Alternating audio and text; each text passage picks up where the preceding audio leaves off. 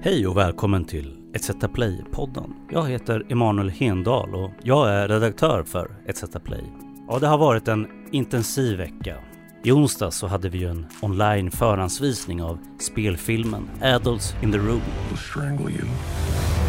They'll do all they can to crush you and the hope you represent. Det är en film som är baserad på Yanis Varoufakis bästsäljande bok med samma namn.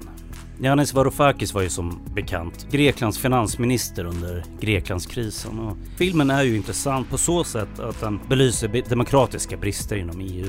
Filmen finns inte kvar på SVT Play men däremot så finns det panelsamtal och intervjuer. Det var åtta helt olika budskap i åtta olika länder från samma toppmöte. Och vem hade rätt då? Ja, Sverige hade definitivt allra mest fel i vår rapportering, det kan jag definitivt säga. Jag tycker Frankrike i det fallet låg närmast verkligheten. Och jag är faktiskt väldigt nöjd med panelsamtalet där Kajsa Ekis Ekman var samtalsledare och, och att vi fick till intressanta gäster som Carl Schlüter från Vändpunkt, författaren Jonas Karlsson och Jai Oviedo från DM25. Men egentligen var ju också tanken att vi skulle få med Janis på länk. Nu blev det tyvärr inte så. Däremot så fick vi ett kort Skype-samtal med den tidigare finansministern. It's very difficult for me to judge him because, as Costa Gavras, the wonderful director of Madoc, said, everybody has uh, their own film in their own head. And of course, mine was very different. So the first thing he asked me to do when I was watching it was, can you just forget about your film and watch mine? Vi intervjuade även Alexandra Pascalido. Jag är glad att någon har tagit sig an den grekiska finanskrisen som är en varböld. Allt det här finns alltså på ETC Play. Det var också roligt att vi fick till en intervju med EU-parlamentarikern Malin Björk. Så lägg dig nu bekvämt i hängmattan och börja lyssna. Vart eh, befinner du dig nu? Just nu sitter jag fast i Bryssel får man väl säga fortfarande. Eh, Det var en ganska liksom, kraftig lockdown här och vi blev liksom, eh, fick, fick, eh, ja, de stängde ner det mesta kan man säga. Även, eh, så att jag har blivit kvar här än så länge med barn och grejer. Okej, så du har inte kunnat resa hem sen coronan? Är så mycket hemma men, och det blir, det blir snart hoppas jag. Mm. Ja, Okej, ja. Eh, vad tänker du när du har sett den här filmen? Eh, vad, vad har landat liksom hos dig? Det, jag tycker den väcker väldigt mycket till, eh, till, eh, kommer till, jag minns mycket och väcker till liv saker och ting som, jag var ju ganska nybakad EU-parlamentariker eh, då när det här skedde, hela det här händelseförloppet och som Vänsterpartiet men även vänstergruppen i EU-parlamentet där Syriza sitter. Vi var ju jätteengagerade i det här och tog debatter i EU-parlamentet, det var demonstrationer på på i massa huvudstäder, det var demonstrationer i, i, utanför ambassader. Eh, eh, det var ja, en gemensam kampanj från vänsterns sida. För det framgår ju väldigt tydligt i filmen också att i regeringssammanhang så var Syriza väldigt, väldigt ensamma. Tsipras och eh, Varoufakis då respektive satt ju där helt ensamma, nästan utmobbade om man säger så. Så att det här stödet vi försökte bygga upp utifrån, det kommer jag ihåg väldigt, väldigt väl. Och vi var ju i Grekland också och träffade Tsipras och så. Så Vänsterpartiet var liksom på, på deras sida i det här kan man säga? Absolut, det fanns en jättestark solidaritet mellan vänsterpartier men även utanför liksom, de klassiska vänsterpartierna. Ett väldigt stort vad uppslut, stor uppslutning kring grekiska folkets kamp mot den här politiken. För, för det var nog väldigt, väldigt många som såg igenom vilken typ av, vilken typ av, av tryck och liksom, nästan förtryck av, av Grekland som, som, som pågick. Vad jag, vad jag ändå liksom kommer ihåg väldigt väl också från den här tiden var hur, hur nästan omöjligt det kändes att slå igenom den berättelse från, som liksom högern och liberala medier försökte dundra in.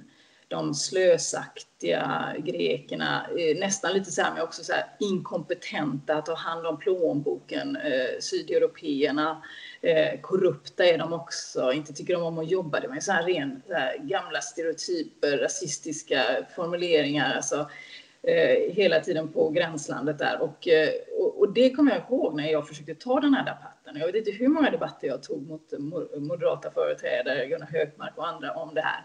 Eh, så, så var det just det där som slängdes, slängdes åt en. Och det tycker jag framkommer i filmen också på ett sätt som är ganska så obehaglig påminnelse hur svårt det var att komma igenom i debatten. Dels för att de använder sig av sådana här här, rasistiska stereotyper om, om lata sydeuropeer eh, och korrupta greker och eh, å andra sidan att vi lever i ett så här, nyliberalt paradigm där att för att försöka slå igenom en annan eh, berättelse kring den ekonomiska politiken och vad som kan föra ett land liksom, ur, ur en ekonomisk kris eh, är så motarbetat av den liksom, hegemonin som, som råder kring, kring att vi, åtstramningspolitik är det enda möjliga och så vidare.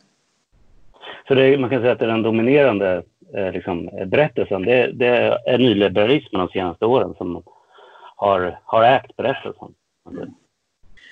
Och det som var intressant i filmen var ju att se liksom hur den berättelsen, det är så att, att berättelsen så här, du vet, man, man kan inte köpa mer än man har på plånboken och eh, alltså att den här berättelsen om, om vilken typ av ekonomisk politik som leder till eh, välstånd och välfärd Eh, det är den ena sidan. Men också berättelsen om Eh, när, man, när inte den räcker, när man inte är helt säker på att vinna den, då tar man till liksom karaktärsmord på en hel befolkning också. Att, att de är lata, de jobbar dåligt, de jobbar inte så länge, de jobbar, alltså, och de kan inte liksom hushålla eh, med pengarna. Att man, man, och den berättelsen var jättesvårt att, att slå igenom en annan eh, med, med, med vänsterns berättelse.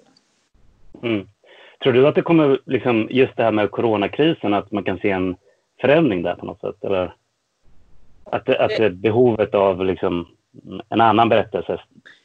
Jag skulle vilja det, men det som jag ser är, eh, som, som är väldigt, blir väldigt tydligt också i filmen, är ju att inte nog med att, att eh, eh det, det, framgår med all tydlighet hur vänsterns ekonomiska politik eh, marginaliseras och inte får vara en del av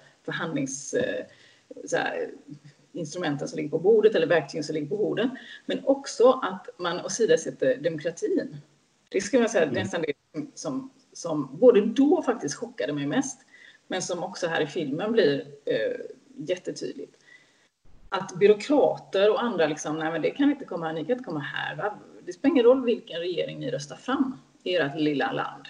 Ni ska mm. bara komma här och göra så som vi säger ändå. Och jag tror att det som riskerar även med återhämtningsfonder och andra planer just nu bli, eh, så är det så att alla de här pengarna ska slussas via EU-kommissionen. Och man ser ju vilken roll EU-kommissionen har i den här filmen. Det som, det som är väldigt tydligt alltså, eh, i den här filmen är ju att, att eh, för, man fullständigt kör över alla demokratiska instrument. Val ska inte spela någon roll. Politiken är fastlagd ändå. Och så där funkar ju EU-kommissionen. Och jag tror att även när man nu diskuterar olika återhämtningsverktyg på europeisk nivå så utgår det ändå från det här att allting eh, ska ske enligt en fastlagd ekonomisk modell. Och det får man nog inte glömma för då är man naiv. Och den här filmen visar hur EU-kommissionen funkar i sådana här lägen och vilken typ av makt och vilken typ av ekonomisk politik de vill se och de kommer tvinga länder att föra. Eh, det kommer, jag, jag, tror att det finns stora risker att det blir likadant med återhämtningsinstrumenten eh, som man vill sätta, liksom, sjösätta nu. Och det är ju det som våra eh, kamrater från Vänsterpartiet från Sydeuropa, även om de liksom tänker att oh, vi måste ha någonting på EU-nivå och sådär, så är de ju oerhört rädda för, säger du memorandum of understanding, mm. så, så, och trojka och liksom olika typer av europeisk styrning ens av deras eh, här, ekonomiska eh, återhämtning så blir ju de kallsvettiga. Och det undrar man det, liksom, det förstår man ju när man ser den här filmen, varför det finns den liksom, stora, stora rädslan. Tycker du att det, att det är viktigt att det liksom, eh, skapas kultur kring EU och kring de här kriserna? Att eh, man kanske når en eh, lite annan, når ut lite mer på ett sätt. Man, man tänker så här, om man tänker med amerikansk politik så är vi svenskar vi är jätteintresserade av allt som händer borta i USA. Men eh, när det kommer till EU, då, även fast vi är en del av EU så finns ju inte det där intresset riktigt. Jag tänker att kan det vara viktigt då att vi faktiskt, eh, att det, den här typen av filmer eh, fyller de en funktion? Men absolut, jag tycker det är jättekul eh, att det görs sådana här filmer. Och eh, jag menar, det är ju helt absurt i USA. Vi vet ju om någon av politikerna där har borstat tänderna eller inte. Och här vet vi knappt hur beslutsgången går eller vem som har varit med och sagt vad. Och här får man ju verkligen en inblick bakom kulisserna också, även om delar av det har läckt ut. Men det är ändå bakom kulisserna och, och vilka bilder som målas upp där, maktförhållanden och, och jag menar, här, liksom, även Macron och andra som, som flyger förbi där i bakgrunden. Och, så att jag, tycker att det är, jag tycker att det är jätteintressant och, och gärna, gärna mer film. Och, eh, och, eh, mm. Men helst oberoende olika filmsatsningar. Då. Så den här, jag tycker den är jätteintressant. Men eh, om man säger filmen utgår ju väldigt mycket från liksom, Janis perspektiv, mm. så den baserar sig på hans, mm. hans egna memoarer, man ska säga. Eh, men, men du delar det? Att du tycker att du känner igen dig i, i, i hans vinkel, eller man ska säga? Ja, som sagt, vi följde ju och var en del av Syrizas kamp, ska man säga, mot Eurogruppen och eh, mot trojkan i det här. Vi var väldigt tydligt. Vi, vi, vi eh, stod på barrikaderna och i de parlamentariska rummen och tog den fakten tillsammans med Syriza. Och vi, eh, vi, våran, vi kördes över. Så var det ju i slutändan. Mm. Eh, eh, så att jag, jag, ser väldigt mycket av det i filmen. Eh, sen är det naturligtvis väldigt centrerat kring personer i filmen och man ser inte mycket av den mobilisering och den kamp som fördes ute på gator och torg, i fackföreningar, i civilsamhället och, och så. Den var ju fantastisk den mobiliseringen. Utan den så hade inte, hade inte det ens bubblat upp så här långt konflikterna. För här mm saker på sin spets. Det var nära att ett land kraschade ur den dysfunktionella euron.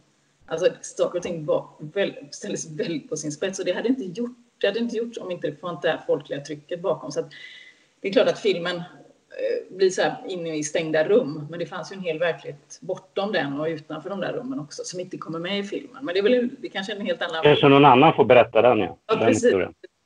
Men också att eh, det fanns ju ett helt arbete som gjordes sen i parlamentet kring att, att skuldavskrivning och kring vad är, vad är en, en legitim eh, skuld och när, när måste man faktiskt, de kan man till och med använda juridiska instrument för att försöka avskriva skulder och så. Den testas ju aldrig den, den vägen. Man testade ja. heller aldrig vägen med eh, Varoufakis eh, eh, plan B, att, att, eh, en som monetär plan B. Så, mm. Och det, det är också, men det är också en, det är kanske en, en, en annan film. Men vad tror du skulle, skulle ha hänt om EU hade varit lite mer tillmötesgående? Vad, vad hade vi sett för, för Grekland idag, tror du då? Dels hade vi sett ett Grekland som hade återhämtat sig mycket snabbare, där klyftorna inte hade växt, eh, eh växt som de har gjort idag. Och där vi nu har eh, på nytt då en, en högerregering som kommer straffa Eh, Eh, de som, som redan har det tuffast i det grekiska samhället. Så jag, jag, tror att det hade sett väldigt annorlunda ut. Men det var just det som var grejen också. Man skulle straffa Syriza. Man skulle straffa ut dem och det sägs ju, Schauble säger ju det i, i filmen och det tror inte jag är en lögn att Grekland skulle tämjas. Den grekiska vänstern skulle tämjas som ett exempel på att om vänstern nu försöker sig på någonting i något annat land, då kommer man inte släppa fram det heller. Eh, så att det fanns inte ens liksom rent rationella ekonomiska argument bakom detta, utan argumenten var politiska. Ni ska sitta ner i båten, ni får bara ta det här. Därför att annars kommer, ni få, kommer vi få Irland och Portugal och andra på halsen som också vill, vill eh, utmana den dogmatiska åtstramningspolitiken. Det nederlaget som Syriza och vi i vänstern faktiskt eh, genomgick där var ju också, Syriza var ensamma de var ensamma som regering. Så du går in i ett liksom, möte med de andra regerings och statscheferna. Du är som en liten vante, speciellt från ett land med några miljoner invånare och, och även då har liksom 67 procents stöd för din, i din folkomröstning. I, mm. i de andra ögon så, så, så, var de, så var de bara att, var de villebråd. Alltså. Man ser det. Så blir man ju väldigt glad över att Sverige står utanför eh, eurozonen.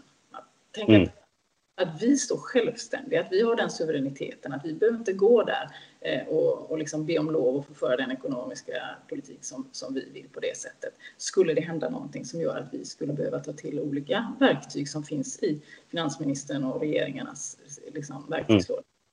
Alltså, sitta där, det, det, det... Får vi tacka den svenska befolkningen då att vi valde rätt. Ja, men jag tror faktiskt att, jag tror att det, det är läge när man tittar på en sån här film och befästar det. Vi sa nej till EMU. Vi vill inte in bakvägen. Vi vill inte in någon annan väg heller. Vi vill stå självständiga. Vi vill inte bli del av det, den, liksom, det maskineriet som, som, som eh, är beredda att eh, liksom, mala ner den som Eurogruppen gör. Vi, vi, eh, och därför så ska ju Sveriges undantag från euron måste ju skrivas in i, i fördraget helt enkelt och i vårt medlemsavtal med EU. Det tycker jag Sverige borde kräva i den mm. förhandlingarna nu kring långtidsbudgeten. Under kriser verkar det som att liksom, uh, olika länder bara försöker rå om sina egna hus. Att, uh, hur påverkar det här ett liksom, samarbete som, som union? Jag tror att det som blir tydligt i den här filmen, och det här är en, en pågående dragkamp och kamp inom, inom EU och liksom, eh, precis som hemma, att det egentligen handlar, det kan handla till viss del om, om eh, vad som är bra för ett land, inte bra för ett annat. Så har det ju varit med euron. Den har ju varit den har nog varit dålig för de flesta länder som är i euron, men den har varit extra dålig för vissa länder. Men mm. i slutändan så är det ändå också en dragkamp mellan vilken typ av ekonomisk politik ska man få föra i EU? Och där har vi en hegemoni av, av nyliberal politik. Man får inte gå utanför det paradigmet, då ska man bestraffas. Så det här handlade ju inte heller bara om Grekland och att, att liksom se om tyska versus franska intressen med att man räddade deras banker men sen lät grekerna få skulden. Det var en dimension. Den andra dimensionen var vi ska fortsätta med en fastslagen åtstramningspolitik, med nyliberal avregleringar, privatiseringar. Så att den kampen gällde ju liksom, oavsett land och att, att EU ska fortsätta och Eurogruppen ska fortsätta med den typen av politik för alla länder. Men om man tänker nu, om man övergår lite till coronakrisen och dra, försöker dra någon parallell, så mm. eh, jag tänkte på när det var som värst i Italien, att de mm. nästan skrek efter vi behöver hjälp och sådär. Hur ser du på EUs eh, roll där? I, den, I deras tuffa situation som de hade? Men jag tror att eh, covid-krisen tydliggjorde att EU har inte skapats för att stå upp i sådana här lägen eller för att stå upp för solidaritet mellan länder, utan det, det, är ett ramverk som inte lämpar sig särskilt väl för fördelningspolitik eller för solidaritet av olika slag. Så att därför så hade man inga verktyg att ta till. Eh, och, och nu när man då försöker lägga fram andra instrument som, som den här återhämtningsfonden så innebär de eh, eh, liksom att samtidigt att kommissionen ska, all, allt det här stödet ska slussas via kommissionen, som är fullständigt odemokratisk, som är in, alltså man, det är intransparent, vi, vi, vi har inte liksom den kontrollen eh, över, eh, över hur pengarna kommer att användas. Och, det, eh, och dessutom ska man införa nya EU-skatter för att finansiera och så vidare. Så det här är en centraliserande ekonomisk makt till EU. Och man måste kunna hålla de bollarna i, i, i två bollar i huvudet samtidigt. Från vänsterns sida vill vi se solidaritet. Men den kan ju ske via skuldavskrivning, via mm. ut, utökad utlåning från EIB, Europeiska investeringsbanken. Om det är solidaritetsverktyg vi letar efter. Men mm. om har en federalistisk idé om att centralisera mer makt till EU, vilket kommissionens plan är, då är den här återhämtningsfonden det som, som man satsar på. Och, och därför är vi ju väldigt kritiska till den. Vi sa nej till EMU. Vi vill inte att vår ekonomiska politik skulle styras av EU. Då ska vi inte komma in bakvägen. Mm. Men eh, tror du tror att det skadar samarbetet eh, i EU och även eh, medborgarna i EU deras, när de ser att, att det inte finns den här solidariteten bland eh, länderna? Ja, absolut, det tror jag. Men jag tror att förhoppningen är väl då att man antingen säger så här, vad, här, vad är det här för någonting? Vi, vi, skulle vi ha det här till någonting så skulle det vara solidaritet, eh, rädda klimatet, eh, arbeta mm. för, för, för, jämlikhet och rättvisa och demokrati. Eller så, så eh, och är det så att det här samarbetet inte klarar av det, ja, då måste det väl göras om i grunden. Och jag tror att den enda slutsats man kan dra är att det måste göras om i grunden. Eh, så att eh, mm. det är eh, och det, och det, tycker jag, det tycker jag syns. Och det är många nu som det kommer ju komma upp en sån här kallas som Conference on the Future of Europe. Och där kommer det finnas olika röster. Vänsterns röst är glasklar. Man behöver inte vara så, alltså man kan ju vara mellan EU-motståndare till EU-kritiker och allt däremellan. Men vänstern i Europa vill se grundläggande förändringar av eh, av EU. Eh, det vill säga fördragsändringar och så vidare som sätter klimatet först, arbetstagares rättigheter först, som skriver in ett socialt protokoll. Eh, om vi inte får till det så, så är ju EU inte rustat för den här typen av, liksom, att, att, att klara av sådana här kriser. Hur ser du på, på framtiden då? Uh, EUs framtid?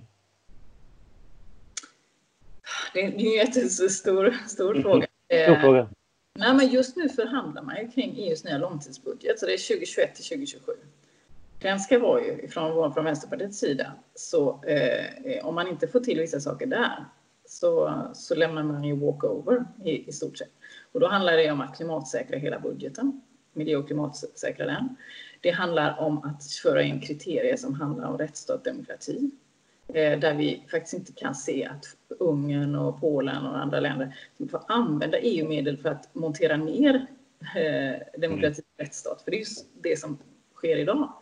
Eh, och vi tycker inte heller att man ska centralisera mer makt, ekonomisk makt till EU, så vi vill inte se en ökad EU-avgift och så. så att man har vissa väldigt viktiga val att göra inför de förhandlingarna. Eh, och vi är tydliga från Vänsterpartiets sida eh, hoppas att, att, liksom, att man kan hålla ställningarna hemifrån. EU-maskinen vill alltid ha liksom lite mer makt och lite mer, liksom, vi får försöka fixa det här och så. Men i covid till exempel så visar det sig att, att det var medlemsländerna som fixade det här genom liksom, att parera i hälso och sjukvårdssystemen, genom att anpassa arbets eh, eh genom att, att, eh, att se till att man, ja, att man parerade upp där det behövdes. Mm. Jag tänkte på den här scenen när de här byråkraterna går in liksom i, i, i Grekland där och han säger liksom, vad gör ni här? Ut liksom. Ni... Ja. ni, ska ta, ni ska ta order av våra byråkrater så kommer komma stövla in där hos er i tid och otid. Eh, och, och, det upplevde man redan då ju. Och, och eh, kommissionen är ju ett byråkratvälde, men med otrolig makt där man aldrig heller behöver ställas till svars. För det är aldrig du som behöver liksom, stå på pinnen där och förklara. Nej. Uh, hur påverkas EUs sammanhållning av hanteringen av kriser? Eh, jag tror att det, det, är jätteviktigt, men återigen, det gäller ju att slå igenom med vilken berättelse som slår igenom. Jag tyckte det var en, liksom, inte bara för att det är Grekland, men det var en tragedi att se vilken berättelse som fick dominera i media eh, kring, kring eh, Greklandskrisen. Eh, nämligen att eh, de var lata och oansvariga och korrupta. Stort tack också för att, eh, för att du ställde upp. Men jättekul. Jag, jag, det, vet jag, det skulle väldigt, varit väldigt kul att vara med. Tack Malin Björk för den här intervjun. Besök också ETC Play och se det här panelsamtalet som jag pratade om tidigare. För att se det måste du prenumerera på ETC Play. Och det är ju något som bara kostar 69 kronor per månad och då får du också tillgång till en massa faktiskt väldigt bra film. Då säger jag bara på återhörande.